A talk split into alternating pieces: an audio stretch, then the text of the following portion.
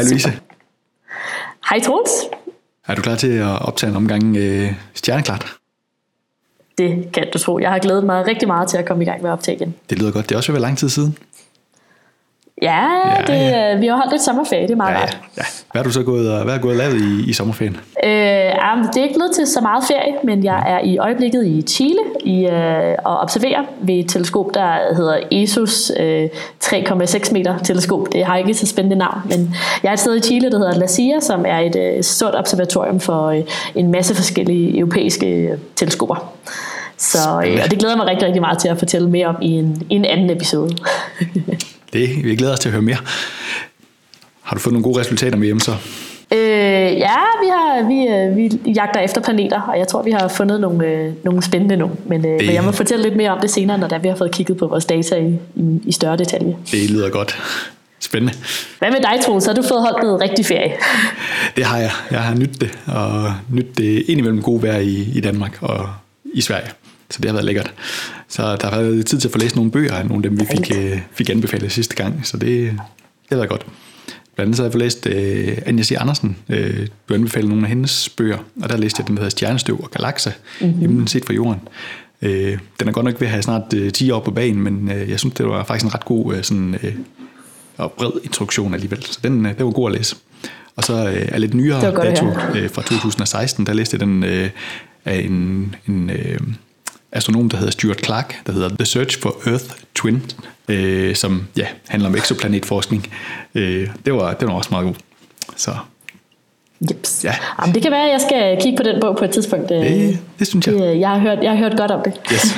Skal vi hoppe videre til, en, til et par nyheder? Der er jo, der er jo sket lidt siden vi har, har optaget sidst. Ja, også, også astronomer, vi holder ikke så meget sommerferie nødvendigvis. Nej, det, det kan jeg ligesom øh, fornemme på det hele. Øh, den første nyhed, vi har taget med den her gang, det er, at, øh, at der måske er meget mere vand på vores egen måne, end vi hidtil har troet. Og det øh, er der nogle forskere fra Brown University, som har fundet ud af øh, ved at øh, analysere nogle sat, øh, satellitbilleder. Øh, og i dem der har man fundet øh, vand i noget, der ligner, sådan, det ligner øh, glasperler i vulkansk øh, sten og aske. Øh, og det er ikke første gang, man mener har fundet øh, vand på månen. Og blandt andet i 2009, der offentliggjorde NASA, at øh, de mente at have fundet vand. Øh, men, men den her gang er det så, øh, der taler om væsentligt mere, end man, man har troet hidtil. Øh, og hvorfor er det, at det, det egentlig er, er vigtigt, om der, der er vand på månen? Det er det blandt andet fordi, at man øh, måske vil kunne bruge det øh, på fremtidige missioner til for eksempel Mars, hvor, hvor månen så vil kunne bruges som en mellemstation, og så vil det måske kunne være anvendeligt, øh, fordi at det jo er dyrt at sende, sende vand ud i rummet. Øh, så, Ja, så hvis der allerede, Og især også hvis, det, hvis, vi nu gerne vil, øh, hvis vi nu også gerne vil bygge sådan en månebase op på månen, så vil det være meget smart, at man bare lige kan gå ud og, og hente lidt vand i, i en klippe. yes, hvis vandet allerede er der. Ja, lige præcis. Ja. Øh, den anden øh, nyhed, vi har taget med den her gang, er også en, en månenyhed, og det, det er sådan lidt øh, i dit, øh, på dit domæne. Yay! Øh, det handler om, at øh, vi muligvis, og, og vi skal virkelig øh, øh, understrege det her med muligvis, har fundet den første øh, exomåne, altså en måne uden for vores egen solsystem. Øh, og øh, grunden til, at, at det er meget, meget måske og muligvis, det er, at det understreger de forskere selv, som, øh, som har præsenteret øh, resultatet. Øh, hvis vi sådan lige tager den helt fra starten af, så er det, øh, er det et nyt signal fra øh, Kepler Space Telescope, øh, har vist, at vi måske har fundet den her måne uden for vores solsystem. Og månen, hvis det er sådan en, det er, den hedder Kepler øh, 1625b L, og den ligger cirka 4.000 lysår fra jorden. Øh, og måden, man har fundet frem til, det er, at nogle forskere fra øh, Columbia University i New York, de har set et udsving, som de tolker øh, som en exomåne. Den har de set det tre gange, uafhængigt af hinanden. Og egentlig så er det færre gange, end de, de sådan gerne ville have, have, have set det, før de meldte noget øh, håndfast ud. Men de så endte med at blive tvunget til at offentliggøre de her resultater, øh, før de ligesom ønskede det og gøre det selv. Da der var en kollega, der havde set, øh, at de havde øh, bedt om at få noget tid på Hubble. Øh, og øh, da det var det her team, der havde bedt om det, så gættede de sig til, at jamen, det havde nok noget med exomåner at gøre. Øh, og det medførte så, at de begyndte at blive kontaktet af pressen, og så øh, endte det med, at de valgte at, at udgive, øh, før, før de selv var interesseret i det. Øh, mm. De håber så på at kunne, kunne øh, bekræfte eller afkræfte resultatet øh, med Hubble-rumteleskopet. Øhm, og hvis der er tale om månen, så vil den formentlig have en størrelse og vægt øh, som øh, Neptun, altså cirka 17 gange jordens masse. Og øh, den planet, den cirkler omkring, den vil være på størrelse med Jupiter, men med øh, 10 gange Jupiters masse, så det er en det er, en det er nogle ordentlige klipper, der dem her, ja. ja, det må man sige.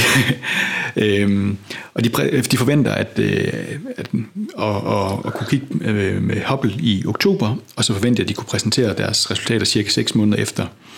Øh, og som nævnt, så er det øh, forskerne mm. selv understreger, det med et, med et stort måske, og at de, de vil ønske, de kunne have ventet med at præsentere det, men, øh, men så blev det altså ikke. Og, og indtil videre siger de, at det er kun en kandidat, men, øh, så, så de har alle forbeholdene med, så det synes jeg, det er meget, det er meget fint. Øh, men vi håber, krydser fingre for, at det kunne da være spændende, hvis det, det ja. var den første exomåne. Det er jo ikke ja, første gang, der har været øh, rygter om en exomåne.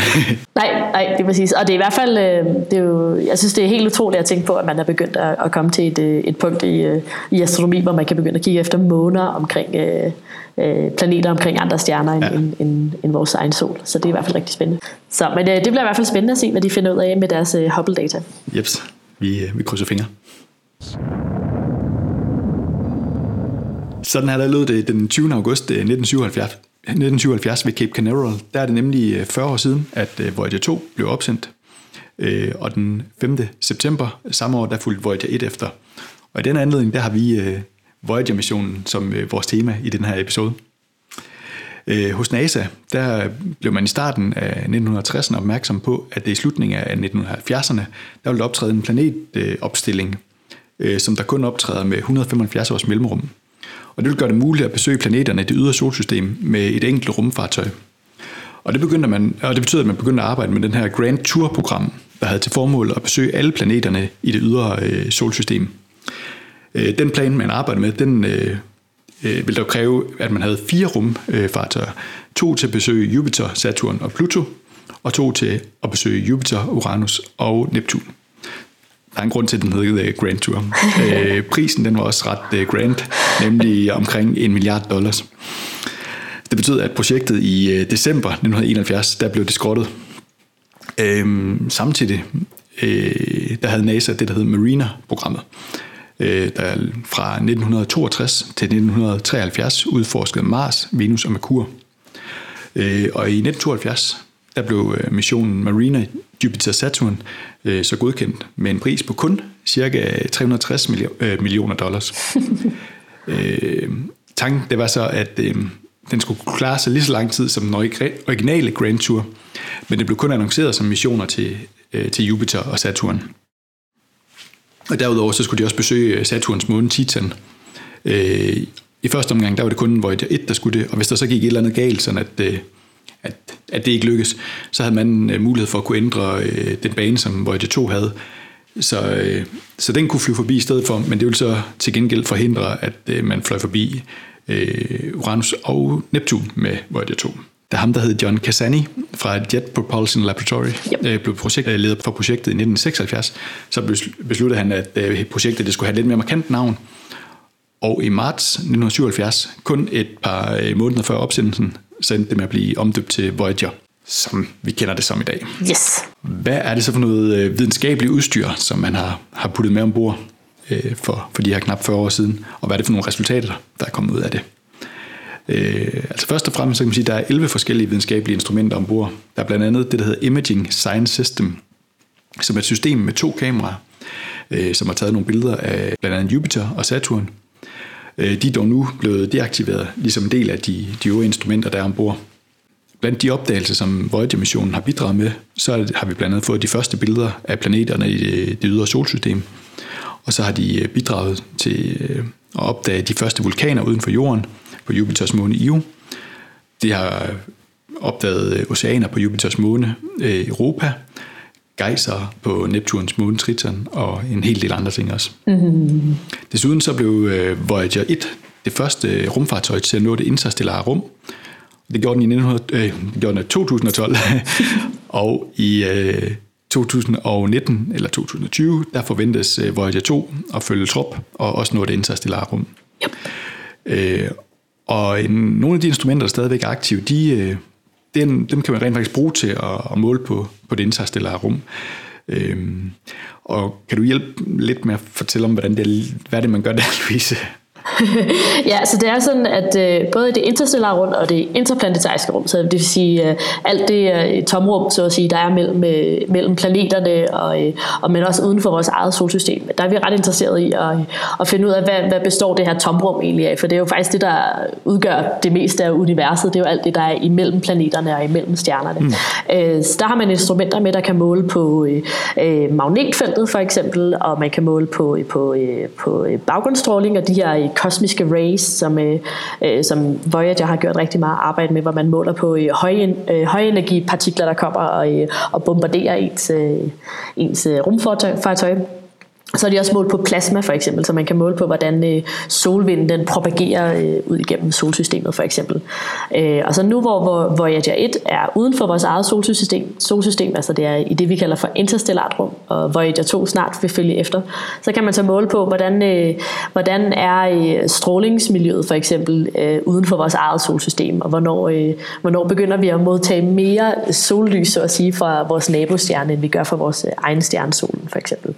Øh, Øh, og det er noget, man kun kan måle på, hvis man er der in situ, og det er Voyager 1 og Voyager 2 er de eneste rumfartøjer, som, øh, som øh, er eller snart kommer til at være uden for vores eget solsystem. Så det er faktisk de eneste øh, hvad det, missioner, der, der kan måle det her for os. Ja, det er vildt.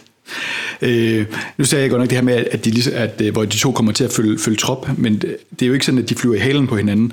Øh, nu kan jeg ikke huske, hvad det er for en række, eller hvad, hvad vej det er, de flyver, men, men det er i hvert fald sådan, den ene flyver mest mod øh, nord, og den anden flyver mest mod syd. Yes. Jeg kan ikke huske, hvad for en af dem der, der går hvad. Ja, så, som du sagde, Troel, så, øh, så man har sendt øh, de to Voyager øh, rumfartøjer sådan i, i hver sin retning, sådan så det ikke er det samme stykke interstellar rum, man måler på, øh, sådan så man jo også kan, kan sammenligne og se, om man får det samme i begge retninger. Øh, men noget af det, der er rigtig svært ved at sende rumfartøjer ud i det interstellare rum, udover at det har taget dem 40 år at komme derud, så det tager, man skal virkelig planlægge lang tid i fremtiden, hvis man gerne vil, vil øh, sende rumfartøjer så langt væk fra jorden. Øh, så er det andet rigtig store problem, det er også øh, kommunikation med jorden. Så man skal forestille sig, at den måde øh, satellitter og rumfartøjer, de, øh, de kommunikerer med jorden, det er, at man har ikke bare sådan et øh, øh, flere øh, lysår langt øh, hvad er det, et flere lysår langt øh, LAN-kabel med derud, eller, eller andet. Man er nødt til at øh, bruge øh, radiobølger til at, øh, at kommunikere med. Så øh, begge Voyager-fartøjer har en, øh, en, øh, en parabolantenne med, som de så kan rette ned mod jorden, og så sender de så øh, radiobølger afsted. Men problemet er, når man har sådan en, en antenne, så sender man radiobølger afsted i en stråle, og den her stråle, den, den bliver altså øh, bredere og bredere og bredere, som den rejser igennem øh, rummet, så man får fortyndet sit signal utrolig meget. Og det er sådan, at når signalet så kommer ned til jorden, så er der meget lidt signal tilbage. Mm. Så derfor er kommunikation virkelig, virkelig svært, og man kan sende meget små mængder data afsted. Så det er også derfor, at, øh, at kameraerne for eksempel på Voyager 1 og 2, de ikke øh, kører mere. Ja.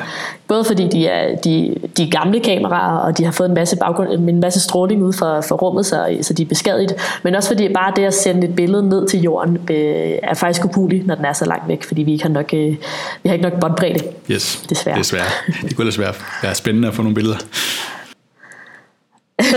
ja, men jeg tror, men øh, det vil være, fra, fra et videnskabeligt synspunkt vil det være utrolig spændende at få billeder men jeg tror faktisk øh, for sådan, øh, øh, den brede øh, hvad hedder det, offentlighed, jeg tror, det vil være utrolig kedeligt at kigge på, for der er meget mørkt i rummet. Ja, okay. altså, det vil bare være et billede af en stjernehimmel, står til. Ja. Men hvilket selvfølgelig også kan være meget smukt. Ja. Men, øh.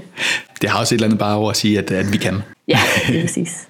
Øhm, Troels, hvad, hvad er øh, sådan, øh, den, den nuværende status på, på Voyager-missionerne, og hvad, hvad er fremtiden for, for Voyager? Jamen, altså, den primære mission øh, for, for Voyager-missionen var jo, blev afsluttet den, øh, den 2. oktober 1989, da Voyager 2 passerede Neptun. Øh, men både Voyager 1 og 2, de flyver trofast videre. Voyager 1 er nu øh, per i dag, den 1. august 2017, cirka 139 astronomiske enheder fra solen, og Voyager 2 er øh, cirka 115 astronomiske enheder. Så det, det er altså ikke små ting. Øh, en astronomisk enhed, det svarer til øh, afstanden fra solen til jorden, så det er det er langt væk. Det må man sige, ja. Fremtiden for, øh, for Voyager-missionen, det er, at øh, de forskere, som arbejder med Voyager nu, de forventer, at de må slukke for de sidste instrumenter omkring. Øh, jeg har læst lidt forskellige tal. Nogle steder står der 2025, nogle steder står der 2030. Det seneste, jeg har læst det fra NASA selv, er 2030, så det må man, man må formode, at de har rimelig godt styr på det. Ja. Øh, Men, øh, men selv når de sidste instrumenter de, de ligesom bliver slukket, så øh, flyver Voyager 1 og, videre, 1 og 2 videre som nærmest som to øh, flaskeposter med, med de her knap øh, 50.000 km i timen. øh, fordi ombord, der har de jo øh, en, en guldplade hver, så hvis nu de engang skulle blive fundet af intelligent liv. øh, på den plade der er der blandt andet hilsner på, på 55 forskellige sprog, dog ikke på dansk, der er på svensk. Øh, det er sådan det tætteste, vi kommer på. Øh, så er der lyde fra blandt andet frøer, hunde, det er, det er lidt ligesom når vi optager. øh, så er der fugle, tåge, og så er der øh, grin der på os. Rotte dig. Så er der noget musik. Det er en meget øh, sådan eklektisk øh, playliste, der, der er med. Det er blandt andet noget Mozart, der er noget Chuck Berry, og så er nogle panfløjter. Øh, og så er der 116 billeder øh, af blandt andet forskellige typer af terræn her på jorden. Der er nogle forskellige dyr, forskellige mennesker, der er et supermarked, der er den kinesiske mur og et hus fra Afrika. Så det, det er virkelig øh, en alsidig blanding, vi har, har sendt afsted. Men det er også ret svært, det der med sådan at øh, på så lidt plads egentlig prøve at indkapsle hele jorden. Hvad, hvad er det, vi står for? Hvordan lyder jorden, og hvordan ser jorden ud? Så det, øh, det har man jo gjort en masse tanker om at, og prøvet at gøre så, så godt som muligt. Mm-hmm. Øh, og når man så ser billederne, så har det jo så også øh, sådan lidt på en eller anden måde et øh, stænk af, af 1977. Så det er jo også svært at komme, komme ud over den tid, som, som det er produceret i selvfølgelig. Ja, ja, ja. Øh, og sådan vil det jo altid være. Så på en eller anden måde har den jo også sådan en karakter af en, af en tidskapsel øh, for, for jorden, som flyver afsted derude. Ja, helt klart. Og så til allersidst det her med, hvorfor er det, at Voyager 2 er cirka 14 dage ældre end Voyager 1? Øh, som jeg fortalte i starten, så blev, øh, blev Voyager 1 sendt afsted den 20. august, og Voyager, nej, undskyld, Voyager 2 blev sendt afsted den 20. august, og Voyager 1 blev sendt afsted den 5. september 1977. Øh, og det skyldes simpelthen, at øh, de blev sendt afsted i to forskellige baner, hvor Voyager 1 vil nå, øh, nå målet, nemlig øh, Jupiter og Saturn først, og det er så derfor, at den hedder Voyager 1. Og Voyager 2 hedder Voyager 2. Ja, det er sådan rigtig uh, typisk astronomagtigt, sådan noget med at navngive ting lidt omvendt. Det er, jeg synes, det er su- super forvirrende det her med det Voyager 2, der blev opsendt først, men ja. Voyager 1 var den, der først kom frem til, til, uh, til sit uh, videnskabelige mål. Så ja, jeg synes bare, det er, det er helt fantastisk at tænke på, at man har kunnet sende noget op 40 år siden, der, øh, der stadig virker og, og sender data tilbage til jorden. Altså, øh, prøv at tænke på, hvad for nogle computere man havde i, øh, i 1977, og så tænke på, at det, det er den slags computere, men der stadig flyver afsted i rummet ja. og, og, og kommunikerer med jorden. Det synes jeg er, er helt fantastisk at tænke ja. på. Jo, så har det jo bare karakter af sådan en, en, nærmest en opdagelsesrejse, som dengang vi sådan drog ud for at finde øh, Amerika eller, eller Australien, eller hvad det nu kan være, at vi sådan ligesom sejlede afsted derudover. Altså sådan, det, sådan, det udvider ligesom det område, vi, vi har set og har været i og har, har mærket på, øh, sådan, jo, jo længere de sådan kommer derud af. Ja, det er sådan virkelig øh, rumudforskning i, sådan, i den, øh, den, den, den reneste ja, form. lige præcis. Så kæmpestort øh, tillykke med de, med de 40 år til, til Voyager 1 og 2. 40 and still going strong. Præcis. Nå, mm, hvis nu man går ud og kigger op på nattehimlen, så får man nok svært ved at få, få øje på Voyager både et og to, men øh, så er der heldigvis nogle andre ting, man kigger efter. Ja, lige præcis. Har du taget noget, lidt med, Louise? Jamen det er også sådan, at hvis man gerne vil kunne se noget, øh, noget menneskeskabt, som, øh, som øh, øh, i definitionen er i rummet, så kan man se den internationale rumstation ISS. Øh, og vi har nævnt den før, at, øh, at der er en hjemmeside, der hedder spotthestation.com, øh, hvor man kan gå ind og se, hvornår man kan se ISS i sit, øh, i sit, øh, sit nærområde. Og det er sådan, at øh, august måned er et rigtig godt tidspunkt for at gå ud og se på ISS, fordi den er i synlig omkring solnedgang øh, her de næste 14 dages tid cirka. Men jeg vil anbefale, at man går ind og, og tjekker den her hjemmeside, fordi det er meget øh, øh, lokalt, og alt efter hvor man er lokalt, så, øh, så skal man kigge forskellige steder hen på himlen.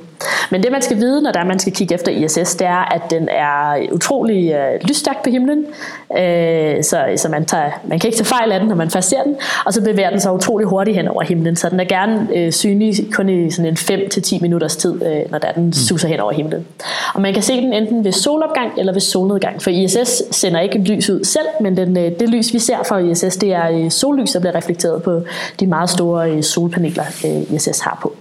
Så det vil jeg anbefale alle at, at prøve at gøre her de næste par dage. Gå ind og kig på den her hjemmeside, hvor man, kan, hvor man skal kigge hen på himlen, så det er gerne mod, mod vest, eller nordvest, eller, eller hvad hedder det, nord, syd, øst, vest. Ja, så øst-vest. Øh, nordvest i hvert fald. det, giver ikke nogen mening. Men man skal i hvert fald kigge, kigge mod øh, solnedgangen her de næste par, øh, par aftener, hvis man gerne vil se ISS. Og så skal man ellers gå ind på den hjemmeside, der hedder spotthestation.com. Og vi skal selvfølgelig nok lægge et link til den her hjemmeside. Helt enig, det er, det er virkelig sjovt at, at se den, og det, det, man kan godt blive sådan en lille smule svimmel, når man sådan står og kigger op og ser, at det, der er 400 km over jorden cirka, der, der hænger der noget menneskeskabt, der bare drøner ja. afsted. Det, det ser vildt ud. Præcis. Og jeg synes, det er ret vildt, at man kan se det med ja. sine egne øjne, for ISS er jo ikke øh, særlig stor i forhold til månen eller, eller sådan andre objekter, man, man kan se på, på nattehimlen. Men det er simpelthen bare, fordi den har en, et, øh, et ordentligt array af solpaneler, som, øh, som reflekterer lyset rigtig godt ned til jorden. Yes. Når man så har været ude og, og finde øh, ISS, øh, så når man kommer ind til computeren igen, så kan man øh, tage en tur på besøg derop. Øh, ISS er nemlig kommet på Street View, så øh, der kan man øh, øh, rode lidt rundt og blive lidt forvirret over, hvordan man lige finder rundt der. Det, det blev jeg i hvert fald længere. Jeg skulle prøve at se, om jeg kunne klikke mig, klikke mig vej igennem ISS. Så ja, jeg ved ikke, det er nok ikke den bedste ansøgning for at få lov at komme derop nogensinde, at man ikke kan finde rundt op, men, øh, men det havde jeg i hvert fald lidt svært med. Ja, man kan i hvert fald øve sig lidt, hvis det er det, der er ens karriere øh, ja, lige præcis. Uh, det er i hvert fald, det, det, det, det, det giver et meget godt billede af, har jeg læst, af nogen, der har været der. Øh, altså, hvordan det ja. hænger sammen. Det kan, det er lidt, øh, det kan ellers godt blive være lidt forvirrende sådan at, at rigtig få et ja, indtryk af. det er meget sjovt. Det, det vil jeg prøve en gang. Øh, men udover at kunne se, øh, se menneskeskabte objekter på himlen, så kan man også gå ud og se meteorsværmen Persiderne, som har øh, maksimum natten mellem den 11. og 12. august. Øh, øh, så der er jo ikke så, så lang tid endnu. Og det er sådan, at øh, en meteorsværm er, er en, lad os sige, en, en kæmpe sværm, eller en, en regn af af stjerneskud. Og det kommer fra et, gerne fra en komet, som, øh, så kometer de suser afsted i, i, i vores øh, solsystem, og jeg har sådan nogle meget elliptiske baner rundt omkring solen. Og det er sådan, at de efterlader lidt, øh, lidt materiale bag sig, når, der de, øh, når de suser afsted, fordi de både, så at sige, de smelter, så derfor så efterlader de en masse småsten bag sig i, i deres bane. Og så når jorden så bevæger sig igennem den her bane, så ryger de her småsten ned igennem vores atmosfære, og det er det, vi ser som, som rigtig fine stjerneskud på himlen, hvor der er de her små sten, de brænder op igennem, gennem atmosfæren. Øh, hvis man kigger rigtig godt efter, så kan man godt se, at de her stjerneskud har lidt, øh, har, kan have forskellige farver, og de her forskellige farver af stjerneskuddene, det øh, afhænger så af, hvilke grundstoffer, der er til stede i de her små sten, der brænder op i atmosfæren. Så øh, alt efter hvilke, hvilke øh, elementer man har i de her småsten, så vil stjerneskud så have en, en, øh, en bestemt farve. Og det er noget, øh, også forskere vi bruger til at, øh, at bestemme, hvad, hvad de her, øh, de her øh, kometer for eksempel er lavet af. Fordi vi ved, at småstenene kommer fra en komet, og så derfor, hvis vi ved, at småstenene er lavet af, så kan vi sige noget om, hvad kometen er lavet af. Øh, så siderne kan du se, øh, de har maksimum mellem den 11. og 12. august, men man kan også se det på andre netter øh, deromkring. Og de kommer fra en komet, der hedder øh, Swift øh, Tuttle. Det er sådan lidt øh, sødt navn. øhm, og, og dem, øh, dem øh, sørger øh, astronomer så verden over så også for at, at observere, når de rent faktisk er der. Øh, men hvis man gerne vil observere fra Danmark af, så, øh, eller fra, fra øh, fra Danmarks øh, halvkugle, så at sige af, øh, har vi lidt et problem med, at der er en ret stærk måne omkring øh, den 11. og 12. august. Der er desværre fuldmåne den øh, 7. august. Øh, men jeg synes, man skal gå ud og, og kigge efter dem alligevel. Og øh, de er, de er synlige på stort set hele himlen, så, øh, så dem kan man ikke øh, gå glip af, hvis man først går ud og, øh, og kigger et mørkt sted.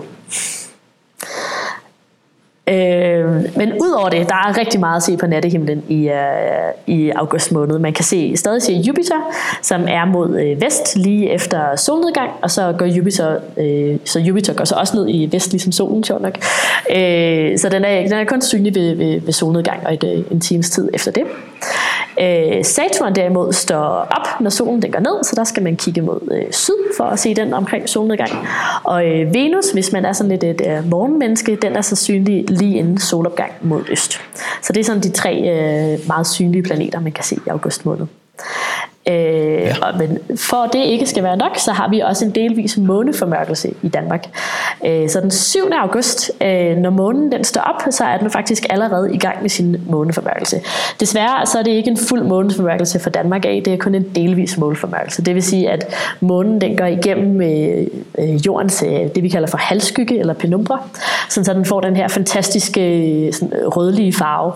Øh, og så vidt jeg ved, øh, lige præcis for Danmark af, så vil man også kunne se, at øh, Øh, der er dele af månen, som er sådan mere, som er i tykkere skygge, så at sige, end andre sider af månen. Så man kan se sådan en, en farvegradient hen over månen, hvis der man kigger godt efter.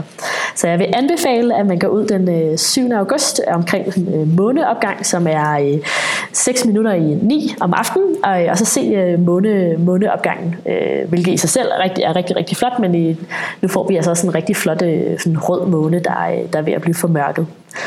Ja. Øh, så det, det er altid øh, fascinerende at se, synes jeg. Øh, det er sådan, at hvis man er sådan lidt længere mod, nu skal jeg til at tænke, have styr på mine verdenshjørner, men hvis man er længere mod øst øh, end Danmark, så hvis man nu er på ferie, lad os sige i Mellemøsten eller et eller andet, eller i, i, i Rusland, så, så kan man se en fuld måneformørkelse derovre. Så det er bare i Danmark, at, det, at den er delvis. Vi bliver snydt lidt. Ja, lige præcis. Men da måneformørkelser kan man heldigvis se relativt ofte, så øh, der kommer nok snart en igen.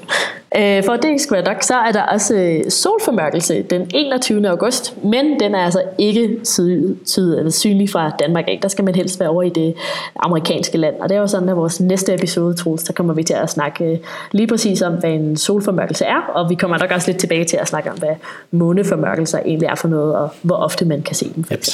Det er nemlig rigtigt. Vi kommer til at snakke meget mere om, om alle de her formørkelser.